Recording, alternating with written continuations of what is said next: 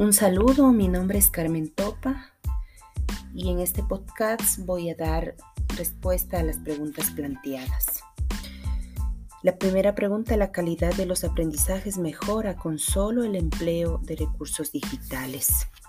Los recursos digitales ofrecen nuevas oportunidades en el proceso de enseñanza-aprendizaje al incorporar pues las imágenes, el sonido y la interactividad como elementos que refuerzan la comprensión y motivación de los estudiantes. Recursos tecnológicos que han convertido en enseñanza-aprendizaje en algo fundamental e imprescindible, sin dejar de ser más importante los recursos concretos que encontramos en el medio.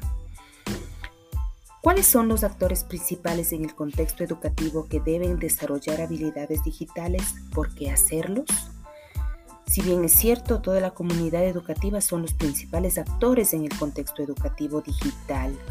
El desarrollo constante de las tecnologías digitales e Internet ha provocado que vivamos en un contexto digital fundamentado en conexiones, siendo el docente el principal actor en el uso adecuado de dichas herramientas. Por supuesto, es importante aquí también la importancia del manejo que les den las familias, es decir, los padres de familia, los estudiantes, y ver qué preparados están para hacer uso de estas herramientas, qué facilidades tienen ellos en los hogares para hacer uso de estas herramientas digitales.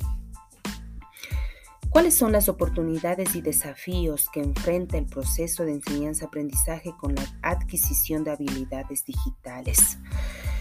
La oportunidad de crear clases interactivas con el uso de las herramientas digitales son múltiples, que a la vez nos invita a actualizarnos y hacer un uso óptimo de dichas herramientas.